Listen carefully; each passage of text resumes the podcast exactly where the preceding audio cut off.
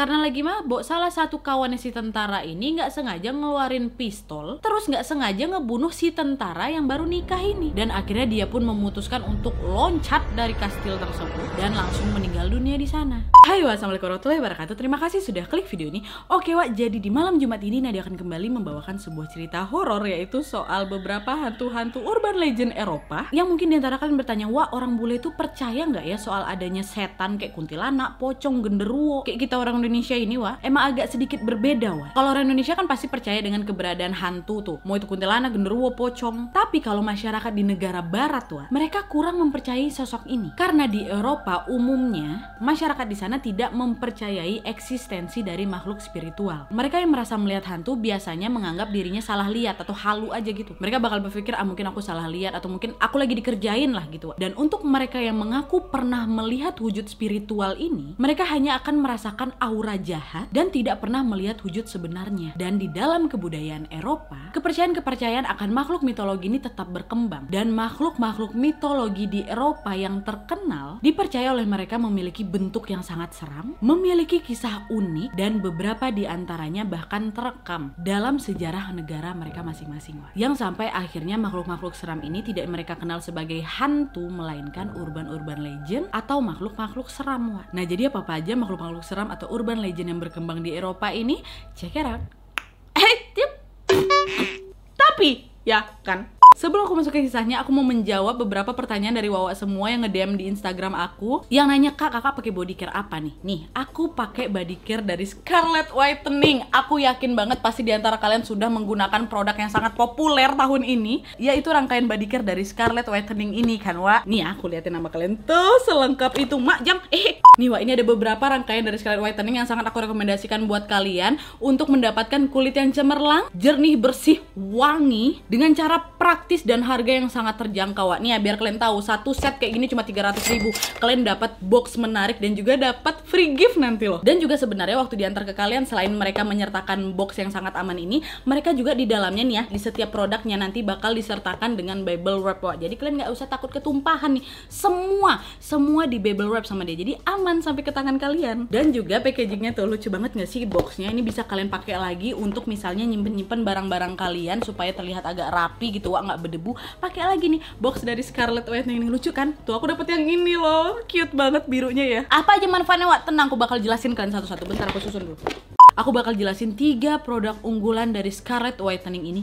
Yang pertama adalah Brightening Shower Scrub yang pomegranate nih ha. Brightening Shower Scrub ini untuk mengembalikan kembali kesegaran kulit aku. Nih ya, wanginya tuh wangi kali, wangi sangat, wangi banget dan selain wangi, Wak, shower scrub ini juga memiliki bulir-bulir lembut yang bisa membantu mengembalikan kembali kelembapan kulit kalian. Supaya apa? Supaya tetap cerah, lembut, dan sehat. Aku udah pakai ini berulang kali dan aku nggak pernah nyesel untuk repeat order lagi. Dengan aroma pomegrannya bikin kulit nggak kering. Bulir-bulirnya memang agak lebih besar, Wak. Tapi efektif nih, Wak, untuk pengganti sabun. Pakai seminggu sekali aja. Dan ya harga cuma berapa? 75.000 Bisa bertahan sebulan ini. Lebih malah. Dan Brightening Shower Scrubnya selain varian pomegranate itu ada dua varian lainnya yaitu cucumber sama mango. Uh, mango aku suka banget, wangi banget. Ini wah, wangi kali. Ya Allah.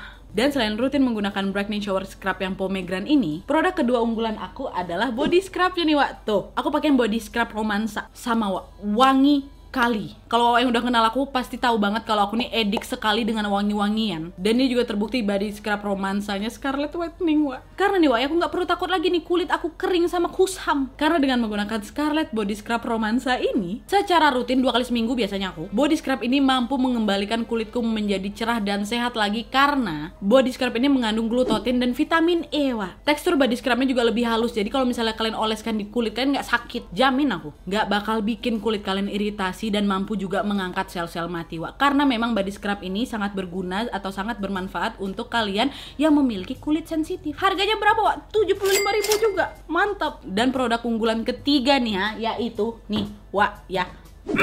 body lotionnya. Kenapa nih ya? Lagi-lagi, lagi-lagi aku bilang ini wangi kali. Wanginya nggak main-main, Wak. Kalian tahu parfum Baccarat Rose kan? Yang harganya 5 juta yang tak kapan juga bisa aku beli itu, ha? Yang lagi happening kali sekarang di mana-mana orang pada merekomendasikan pakai parfum Baccarat itu. Ini wanginya persis kali dengan Baccarat Rose, Wak. Yaitu fragrance brightening body lotion yang charming, Wak ini betul-betul body lotion terwangi yang pernah aku coba. Aku nggak ngerti lagi lah cara mendeskripsikan wanginya ini, wangi kali. Dan yang jelas, nih ya, namanya juga body lotion. Ini adalah pilihan yang sangat tepat untuk kalian gunakan untuk perawatan kulit kalian sehari-hari setelah mandi. Wak. Teksturnya lembut kali. Dan yang jelas nggak lengket. Aku tuh memang nggak suka kali punya body lotion yang lengket loh abis dipakai. Ini nggak lengket, Wak. Yang akan selalu membantu kalian untuk melembabkan kulit badan kalian, Wak. Dan yang sedih, ini wanginya tahan lama kali. Yang aku yakin aroma dari body lotion Charming Scarlet Whitening ini bakal ngebangkitin semangat kalian dalam beraktivitas sehari-hari. Aku yakin, aku jamin. Wah, coba!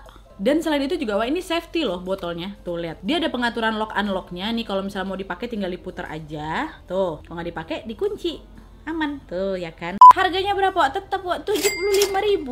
75.000. Dan ada juga beberapa varian lainnya yang body lotion ini juga paling happening banget yang romansa yang benar-benar aku buktikan dapat mencerahkan kulit kalian, Wak. Ini aku coba pakai.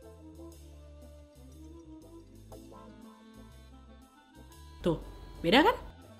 Dan yang jelas, Wak, semua rangkaian produk dari Scarlett Whitening ini sudah terregistrasi di BPOM, jadi semua aman. Dan seluruh harga di produk ini cuma 75 ribu. 75 ribu, Wak, satu produk. Bisa bertahan bulan-bulan. Dan untuk harga paket hematnya, kalau setiap kalian beli 5 item, harganya jadi cuma 300 ribu, Wak. Dapat box cantik sama dapat free gift lagi. So, Wak, tunggu apa lagi? Aku sangat-sangat, sangat-sangat, Wak, tolong dengar, sangat-sangat merekomendasikan kalian untuk menggunakan rangkaian dari Scarlett Whitening ini. Monggo, Wak, visit ke sana. Belanja belanjain semuanya. Adik-adik kalian mama tetangga kawan kalian kasih semuanya. Mama aku udah jatuh cinta sama Scarlet Whitening. Mantap. Jangan mentang-mentang di rumah aja kalian nggak menjaga kewangian atau kelembapan kulit kalian wak. Bahaya itu. Tetap stop. Walaupun memang kalian tidak beraktivitas seharian di luar tapi kan namanya juga tetap beraktivitas. Nggak usah di dalam atau di luar rumah tetap eh beraktivitas. Tetap juga mengeluarkan keringat ya kan? Kalau nggak kalian jaga perawatan kulit kalian ha nanti kalian bakal nyesal wak. Nanti makin kusam makin kering so tunggu apa lagi? Aku sangat merekomendasikan kalian untuk menggunakan rangkaian produk dari Scarlet Whitening ini untuk bisa mengembalikan kembali kulit cerah kalian dan juga bisa menjaga kelembapan kulit kalian dengan cara yang praktis dan harga terjangkau. Buat kalian yang mau order atau mau tahu lebih banyak soal Scarlet Whitening ini bisa visit Instagramnya di @scarlet_whitening atau biar lebih gampang aku sudah sertakan linknya di description box di bawah ya.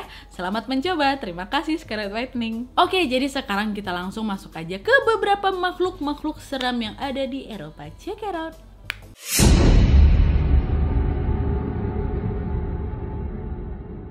Yang pertama adalah Banshee. Banshee ini merupakan salah satu makhluk yang paling ditakuti di dataran benua Eropa dan khususnya di negara asalnya yaitu Irlandia. Kemunculan ini menandakan bahwa akan ada berita yang menakutkan seperti kemalangan atau kematian dari salah satu orang terdekat yang melihatnya. Wak. Banshee ini akan muncul dan mendatangi orang tersebut di mana awalnya orang yang akan didatangi Banshee ini hanya mendengar suara isakan dan tidak lama kemudian berubah menjadi suara suara tangisan yang menyeramkan Wak. dan tangisan ini akan berubah lagi menjadi jeritan yang sangat tajam bahkan akan membuat orang-orang yang mendengarnya akan terdiam kaku karena ketakutan Wak. nah terus sosok ini akan muncul dengan meratapi orang yang melihatnya Wak. seketika akan muncul kabut yang sangat dingin dan benci ini pun akan menghilang dapat dipastikan bagi mereka yang melihat sosok benci ini tidak berapa lama akan mendapatkan kabar bahwa salah satu kerabat orang tersebut akan meninggal banyak orang Irlandia yang mengaku pernah melihat sosok Banshee dan sempat mencatatkan wujudnya ini ke dalam buku harian mereka. Wah. Banshee ini dipercaya memiliki wujud sosok wanita tua dengan mata merah, bergaun hijau, menggunakan kerudung wajah, dengan rambut panjangnya yang berwarna putih. Namun ada juga beberapa kesaksian yang melihat sosok dari Banshee ini terlihat indah. Mukanya begitu cantik tapi pucat, wah. Dibalut dengan kain putih di sekitar kepalanya, berambut merah panjang dan menggunakan gaun berwarna silver. Nah, Banshee yang datang kepada mereka ini biasanya terlihat mengambang, nggak nampak tanah maksudnya. Dan salah satu kemampuan Banshee yang menakutkan apabila dia melewati kita, suasana dan hawa di ruangan maupun tempat kita berada itu akan berubah menjadi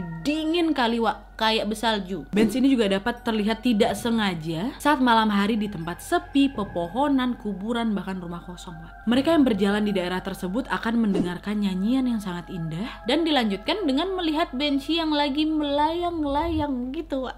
Aduh. Jangan bercanda dat lagi horor ini. Oke, baik. Nah, saat orang-orang lagi melihat si Bensi ini menyanyi, Bensi itu bakal diam, lalu bakal terbang ke langit-langit sambil menangis. Orang-orang diminta untuk tidak mendatangi atau mengejar si Bensi yang secara tidak sengaja mereka lihat, wah. Karena bisa aja kabar buruk pun mendatangi keluarga mereka. Nah, asal mula dari Bensi ini sudah diyakini sejak zaman dulu. Wah. Dalam kebudayaan orang Irlandia pada zaman dulu, banyak keluarga-keluarga yang menyewa jasa wanita-wanita cantik yang memiliki suara merdu untuk menangisi kerabat mereka yang sedang meninggal. Hal ini menjadi umum dan berubah menjadi keharusan jika ada kerabat terdekat meninggal di sana. Wak. Wajib hukumnya untuk mereka menyewa wanita dengan suara merdu yang dapat menangisi orang yang meninggal tersebut supaya jenazahnya ini tenang. Wak. Nah, semakin lama semakin lama bayaran untuk wanita suara merdu ini makin mahal. Banyak warga-warga Irlandia di sana tidak mampu menyewa wanita-wanita dengan suara merdu ini untuk menangisi kerabat mereka yang meninggal dengan kepingan logam mereka yang pada saat itu merupakan alat tukar di sana. Mereka itu malah menyogok wanita-wanita ini dengan alkohol yang merupakan larangan dari tetua mereka untuk membayar sesuatu dengan alkohol karena ya memang itu kan bukan perbuatan yang baik gitu loh. Dan sebagian wanita yang menerima bayaran dengan alkohol ini yang kelak akan mati dan menjadi benshiwa di mana mereka memiliki rupa yang sangat menyeramkan gitu. Sementara benshi yang memiliki rupa yang indah adalah wanita-wanita yang semasa hidupnya memiliki suara indah namun meninggal dalam keadaan perawan karena masih suci wa. Jadi arwah-arwah wanita perawan ini akan memikul tugas seorang benshi yang akan membawa kabar kemalangan kepada orang-orang lainnya. Wa. Jika seseorang dulunya banyak membuat kebaikan nih, maka benshi yang muncul pun memiliki rupa yang indah wa nggak menyeramkan. Di mana pada saat dia muncul dia juga akan menangisi orang yang baik tersebut pada saat meninggal. Dan bahkan wa, semakin banyak orang yang meninggal itu buat kebaikan wa, makin banyak juga benshi yang muncul dengan wujud yang baik menangisi jenazah itu. Salah satu pengalaman orang yang pernah mengaku melihat benshi ini, yaitu seorang pemuda yang sempat menjenguk kakeknya sedang sekarat tua. Tiba-tiba laki-laki muda ini mendengar ada suara isak tangis secara perlahan dan bersumber dari pintu utama rumah kakeknya. Terus dia heran wak karena yang mendengar suara tersebut hanya dirinya. Dia tanya sama kakek neneknya nggak ada yang dengar. Akhirnya si pemuda ini memutuskan untuk mendatangi sumber isakan itu yang tiba-tiba sudah berubah menjadi suara tangisan. Dan saat dia menyentuh ganggang pintu, gagang pintu tersebut tiba-tiba membeku dan langsung diselimuti salju. Badan pemuda ini pun ikut kaku kaku. Kemudian pemuda ini juga sempat membuka gagang pintu itu sebelum badannya jadi kaku total tuh. Lalu terkejut ketika mendengar suara tangisan tadi berubah menjadi suara teriakan yang amat keras. Dan dibarengi dengan munculnya sosok wanita memakai gaun dan bermata seram tepat di hadapannya sambil meratapi pemuda itu. Dan tiba-tiba wah muncul kabut tebal dan sosok di hadapannya itu pun langsung menghilang. Pemuda yang tampak ketakutan ini langsung berlari ke arah kakeknya, tapi ternyata si kakeknya sudah berhenti bernafas alias meninggal dunia. Ada juga nih pengalaman beberapa sekelompok anak muda yang sedang berjalan di malam hari melewati kuburan setempat. Kebetulan mereka ini mendengar suara banshee dari arah kuburan dan mereka langsung masuk ke dalam area kuburan itu. Ternyata betul wah ada beberapa banshee yang lagi menyanyi-nyanyi di area kuburan tersebut dan salah satu anggota kelompok muda tadi ada yang jahil wah diambilnya batu dilemparnya banshee itu. Banshee-banshee itu pun jadi keganggu marah lah ya kan. Dan akhirnya mereka langsung berubah wujud menyeramkan dan langsung mengejar sekelompok pemuda ini. Larilah mereka kan wah nampak gereja gereja nih, masuklah mereka ke dalam gereja itu untuk menyelamatkan diri. Dan di dalam gereja itu mereka juga meminta pertolongan kepada seorang pendeta yang lagi ada di dalam gereja itu. Untungnya Wak, akhirnya pendeta itu melakukan ritual doa dan meminta kepada sekelompok anak-anak itu supaya tidak mengganggu makhluk-makhluk yang ada di sana. Dan setelah didoakan pun sosok Benshi yang mengejar mereka tadi, yang memang banyak tua berada di luar gereja itu seolah-olah ingin mengejar mereka, kemudian pergi setelah pendeta itu melakukan ritual mendoa di sana. Akhirnya nggak diganggu lagi tuh pemudanya. Benshi ini kayak lampor nggak sih, Wak? Ya nggak sih? Kayak pengantar berita duka suka gitu. Lampurnya Eropa cenah. Oke okay, next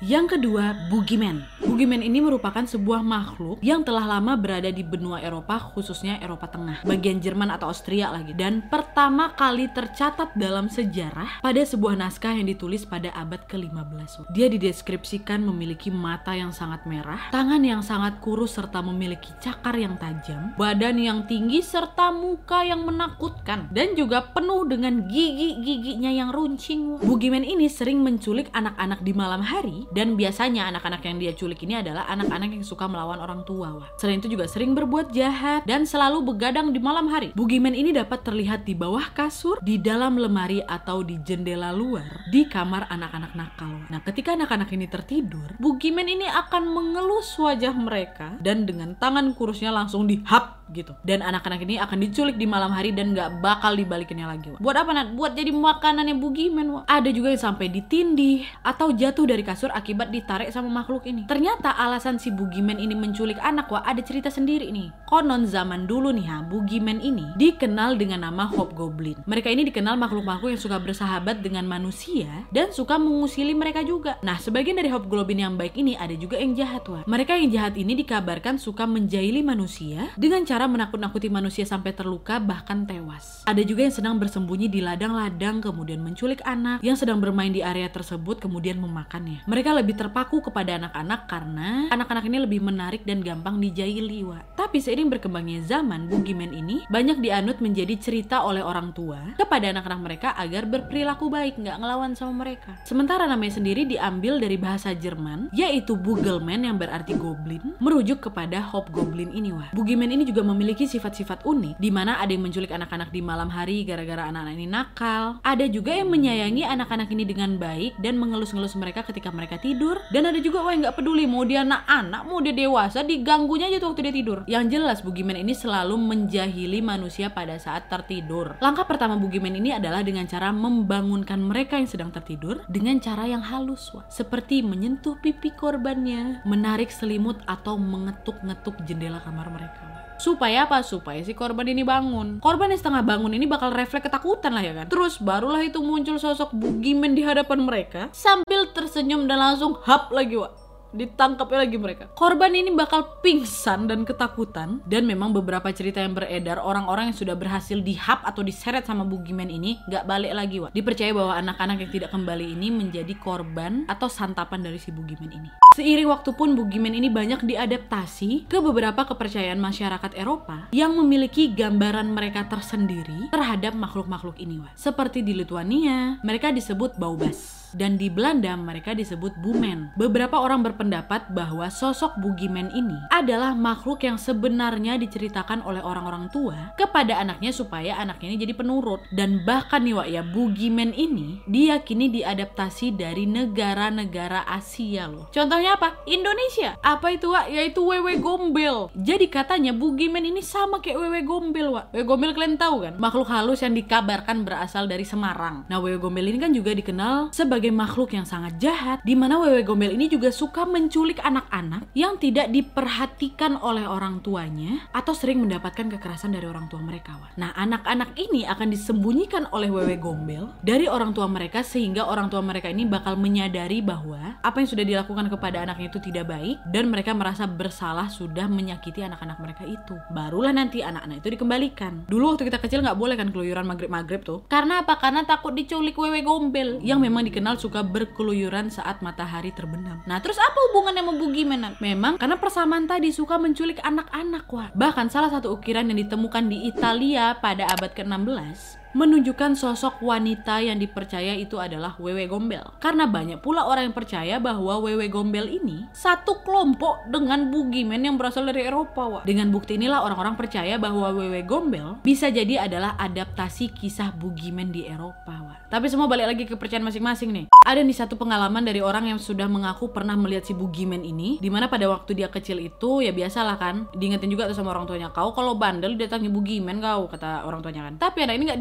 dihiraukan ya kata-kata orang tuanya Wak. Tibalah suatu malam nih waktu dia mau tidur, lampu dia matikan kan, lampu kamar dimatikannya, pintu kamar ditutup. Waktu matanya ini baru mau tertutup Wak. Si anak ini melihat ada sosok badan tinggi berdiri tepat di pintu kamarnya sambil membuka pintu kamar dia perlahan-lahan dan sosok itu makin mendekati anak tersebut dan berdirilah dia tua di samping anak ini nih dengan wajah yang sangat mengerikan serta rambut yang acak-acakan. Si anak ini kaget lah kan waktu dia mau teriak wah. Sosok itu pun langsung hilang tiba-tiba. Nah besoknya si anak ini nanya kan ke mama bapaknya, "Ma, pa, kamu tadi malam ada masuk ke ruangan aku ya? Ke kamar aku ya?" gitu. "Ah, enggak ah, mama gak ada masuk, papa juga gak ada masuk." gitu. Dan semenjak saat itulah anak itu percaya bahwa sosok yang datang ke dalam kamarnya itu adalah Boogeyman wah. Karena betul waktu dia coba cari sosok Boogeyman di internet, sosok itulah wah, memang betul mendatanginya karena mirip kali dengan apa yang dia lihat di malam itu. Gimana menurut kalian percaya atau tidak soal Boogeyman? Bisa komen di bawah dan kita lanjut ke urban legend ketiga.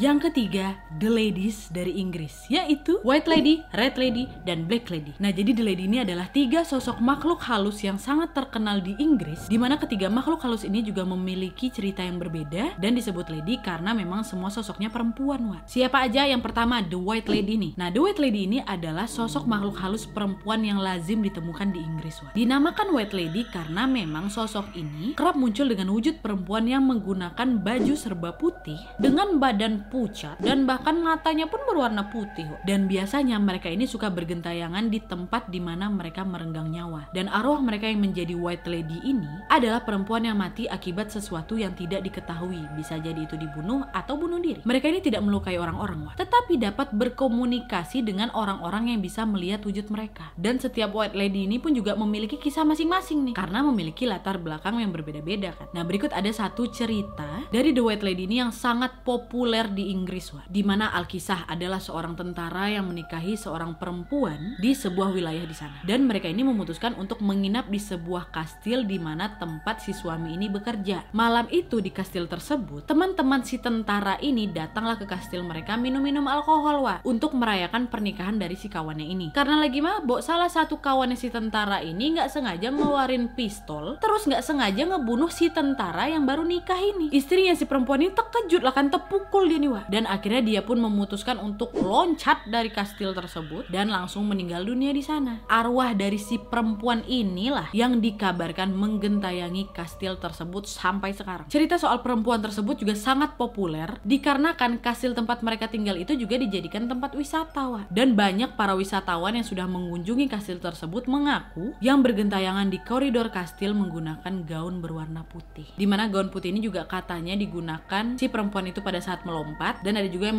bahwa gaun itu kenapa warna putih? Karena kan baru nikah kayak gaun pernikahan lah gitu Wak. Oke yang kedua The Red Lady. Seperti namanya kalau tadi White Lady itu perempuan putih ah, Ini Red Lady perempuan merah ya kan? The Red Lady ini hampir mirip Wak dengan The White Lady Tapi memiliki latar belakang yang berbeda. Red Lady ini kerap muncul di perhotelan lama Gedung teater yang sudah tua Dan beberapa tempat publik yang sudah tidak digunakan lagi. Hantu ini memiliki wujud perempuan yang sangat cantik Berwajah pucat Menggunakan gaun berwarna merah Tapi juga memegang pisau. Nah pisau yang dipegang oleh The Red Lady ini juga memiliki kisah tersendiri Wak di mana katanya nih Wak ya. The Red Lady ini diceritakan dulunya semasa hidupnya dia ini adalah seorang PSK atau pekerja seks komersial. Lama bekerja menjadi pekerja prostitusi, akhirnya wanita ini menemukan seorang pria yang akan menjadi tambatan hatinya. Dan dia pun menemui pria tersebut dengan menggunakan gaun kesayangannya yang berwarna merah Wak setiap hari. Sudah menjalin hubungan ternyata eh ternyata barulah ketahuan kalau pria yang menjadi cinta sejatinya ini udah punya istri. Akhirnya si istri pria ini pun mengetahui kalau laki-laki ini punya wanita idaman lain langsung mendatangi wanita tersebut dan langsung bertengkar wak.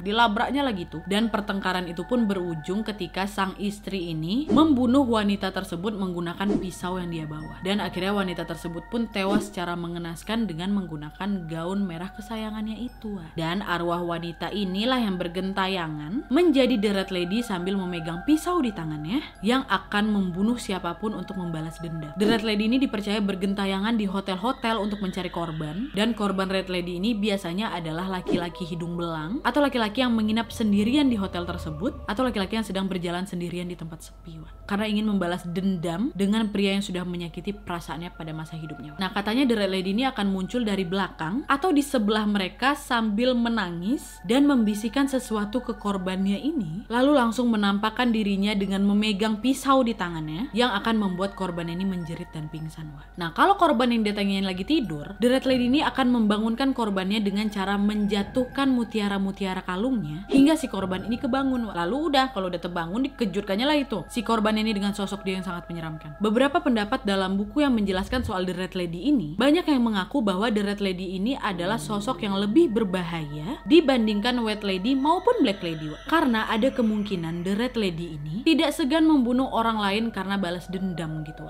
Dan yang terakhir The Black Lady. Untuk sosok yang satu ini, Wak, sosok The Black Lady ini agak lebih spesial nih. Karena sosoknya ini hanya akan ditemukan di satu tempat di Inggris. Penampakannya sama, seorang wanita pakai gaun serba hitam, memiliki paras yang sangat cantik, tapi wajahnya ini kelihatan sangat sedih dan kadang juga seolah-olah sedang mencari sesuatu. Dan gaun hitam yang dipakainya itu melambangkan kematian katanya, Wak. Nah, hantu ini hanya akan dapat ditemukan di sebuah hutan yang bernama Bradley karena berhubungan dengan asal-usulnya, Wak. Katanya nih ya, di zaman perang dulu, hiduplah seorang pemuda yang bekerja sebagai tukang kayu bersama istri dan anaknya di hutan Bradley tadi. Untuk membela negaranya, si pemuda ini akan berangkat ke medan perang, melewati hutan tersebut, meninggalkan istri dan anaknya yang pada saat itu masih kecil. Berangkatlah itu lakinya ke medan perang kan, Wak? Karena sang istri tidak mendapatkan kabar dari suaminya, istri dari si pemuda itu membawa anaknya berusaha mencari untuk menyusul suaminya melewati hutan tersebut, Wak. Berharap Denny bisa bertemu dengan suaminya. Karena kan mereka tinggal dalam hutan. Kayak udah nggak sabar gitu loh, Wak. Berharap suami itu udah pulang.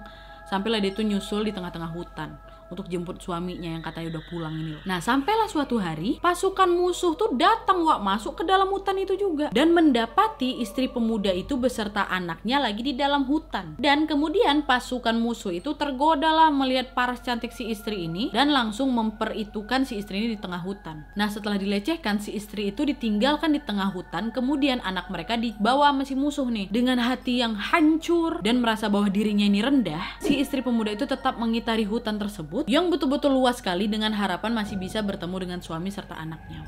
Dan tapi sayangnya wanita itu meninggal di dalam hutan tersebut, tapi katanya arwahnya selalu mengitari hutan dan dikabarkan suka menggentayangi hutan Bradley itu dan langsung menjadi The Black Lady. Warga yang tinggal di sekitar desa tempat mereka tinggal kerap melihat sosok The Black Lady ini yang suka tiba-tiba muncul di dekat pepohonan dengan muka yang pucat dan menyedihkan. Dan anak-anak di desa itu juga tidak diperbolehkan untuk masuk ke dalam hutan Bradley karena ditakutkan anak-anak tersebut akan diculik oleh hantu ini. Walaupun memang tidak pernah ada beberapa pernyataan yang mengatakan bahwa The Black Lady ini berbahaya, tapi dikarenakan masa lalunya yang kehilangan anak satu-satunya ini, membuat beberapa warga desa tetap harus waspada dengan sosok yang dijuluki The Black Lady ini.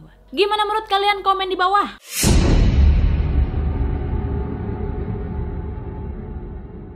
Yang keempat, Strigoi. Kalau kalian kenal dengan vampir, Wak. Nah, Strigoi ini adalah sepupunya si vampir. Strigoi ini memiliki rambut yang merah, mata biru dan memiliki dua jantung di tubuhnya. Postur tubuhnya ini hampir sama kayak vampir, Wak. Tapi sedikit berbeda dari segi penampilannya. Nah, Strigoi ini adalah arwah yang bangkit dari kubur akibat tidak terima akan kematiannya karena beberapa hal. Strigoi ini dikatakan dapat merasuki beberapa benda-benda di sekitar manusia dan dapat berubah wujud menjadi binatang antara lain kelelawar, burung hantu, ular dan lain-lain. Tetapi tetapi kemampuannya ini sangat kuat dibarengi dengan tumbal yang mengerikan wa yaitu darah manusia. Strigo ini memerlukan darah manusia untuk bisa bertahan hidup dan memenuhi sumber kekuatannya wa. Dikabarkan katanya Strigoi ini dibedakan menjadi dua, yaitu Strigoi View dan Strigoi Mort. Nah kalau si Strigoi View, dia ini adalah mereka yang mempelajari ilmu sihir dan merubah diri mereka menjadi Strigoi. Laki-laki atau perempuan bisa menjadi Strigoi View wa, katanya. Dan Strigoi View ini memiliki tambahan bagian tubuh yaitu ekor yang panjang panjang. Kemampuan mereka katanya sangat kuat, Wak. Mereka inilah yang katanya dapat berubah wujud menjadi hewan, bisa mencuri kekuatan batin seseorang, bahkan kecantikan manusia-manusia lain, Wak. Dan mereka ini juga dikabarkan bisa mengendalikan cuaca dan mendatangkan bala kepada desa-desa yang sudah mereka hantui, Wak. Sementara si Strigoi Mod adalah mereka yang menjadi Strigoi setelah mereka meninggal. Kalau View kan tadi orang yang punya ilmu sihir nyamar jadi Strigoi. Ini orang yang udah betul-betul meninggal, Wak. Jadilah itu Strigoi Mod. Biasanya juga mereka yang meninggal dengan kriteria tertentu yang bisa menjadi Strigoi. Seperti orang yang meninggal dengan membawa dosa yang berat, mati dengan sumpah palsu atau mati akibat bunuh diri.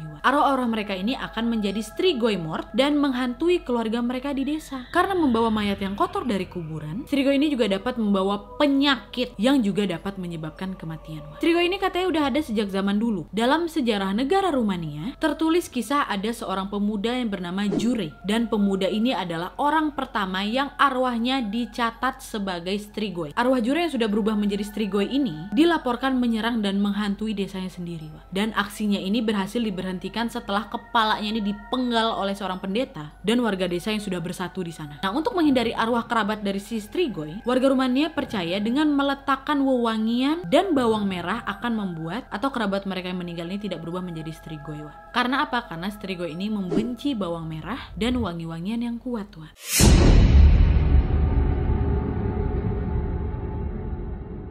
Yang terakhir Barbro. Barbro atau Barbro Pelle ini adalah hantu dari arwah seorang bangsawan asal Swedia yang terkenal kejam semasa hidupnya. Nah katanya dulu itu dia lahir dengan nama Barbro Eriksdotter dan dia ini memiliki gelar bangsawan dan menjadi tuan tanah di salah satu kota di Swedia. Nah tanah-tanah tersebut dijadikannya untuk pertanian dan perkebunan dan semuanya diatur dan diawasi langsung oleh si Barbro ini. Barbro Eriksdotter ini dikenal memiliki sifat yang kejam terhadap pekerja dan petani dari perkebunan dia ini, wah. Dan sejak saat itu ada yang mengatakan bahwa si Barbro ini sedang membuat perjanjian dengan setan. Dan dia ini pun menjadi seorang penyihir. Menurut kisahnya si Barbro ini memiliki sebuah ruang khusus di bawah kediamannya hanya untuk menyiksa bawahannya yang melakukan kesalahan-kesalahan kecil. Salah satu siksaan yang terkenal adalah Pegawai ini akan dihukum dengan cara dirantai di ruang bawah tanah pribadinya ini akibat kesalahan sepele aja. Barbro juga diduga suka membuat tahanannya ini kelaparan dan kemudian dia juga suka menyajikan makanan dan minuman yang lezat di atas meja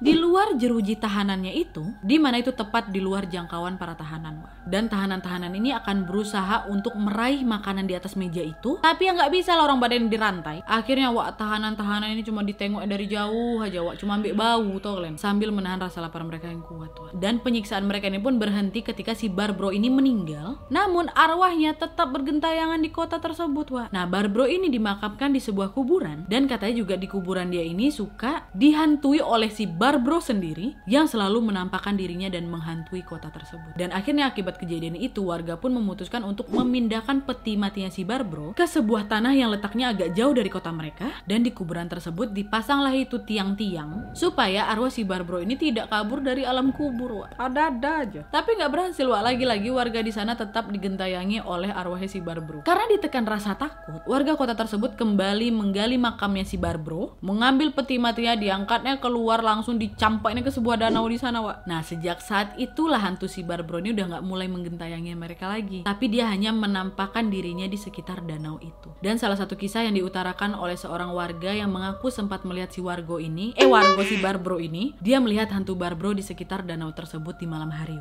dan arwahnya ini terlihat menari-nari di atas danau tersebut dengan makhluk menyeramkan lainnya. Oh nggak seram jadi lucu. Dan hantunya ini dikabarkan bertubuh wanita yang sangat gemuk memiliki muka yang seram dengan menggunakan gaun bangsawan. Dan danaunya di mana? Danaunya ada di Swedia bernama Tramsjön Oke Wak, jadi itu tadi beberapa urban-urban legend atau makhluk-makhluk seram yang terkenal di Eropa. Gimana menurut kalian? Ini juga balik lagi ke kepercayaan masing-masing, mau percaya atau tidak. Tapi memang makhluk-makhluk yang sudah aku sebutkan tadi, yang pasti juga berkembang hanya dari mulut ke mulut aja, nggak ada bukti otentiknya. Walaupun memang ada beberapa rekaman-rekaman yang mengatakan bahwa itu adalah wujud dari penampakan mereka, tapi balik lagi ke kepercayaan kalian, kalian mau percaya apa enggak ya Wak ya? Ya lumayan ya kan untuk nambah koleksi cerita horor kalian nih. Dan mungkin kalau ada Wak di sini yang tahu beberapa urban legend yang tersebar di Eropa lainnya bisa komen di bawah Wak ya. Oke Wak, jadi sekian dulu videonya. Terima kasih yang sudah menonton. Kalau kalian suka video ini, klik like-nya, lupa komen di bawah untuk ide dan saran-saran untuk video selanjutnya. Jangan lupa nyalain notifikasinya supaya kalian tahu kalau aku upload video baru. And as always, jangan lupa untuk klik tombol subscribe supaya kalian sama-sama tahu informasi menarik dan menegangkan dari channel aku. See you next video. Bye!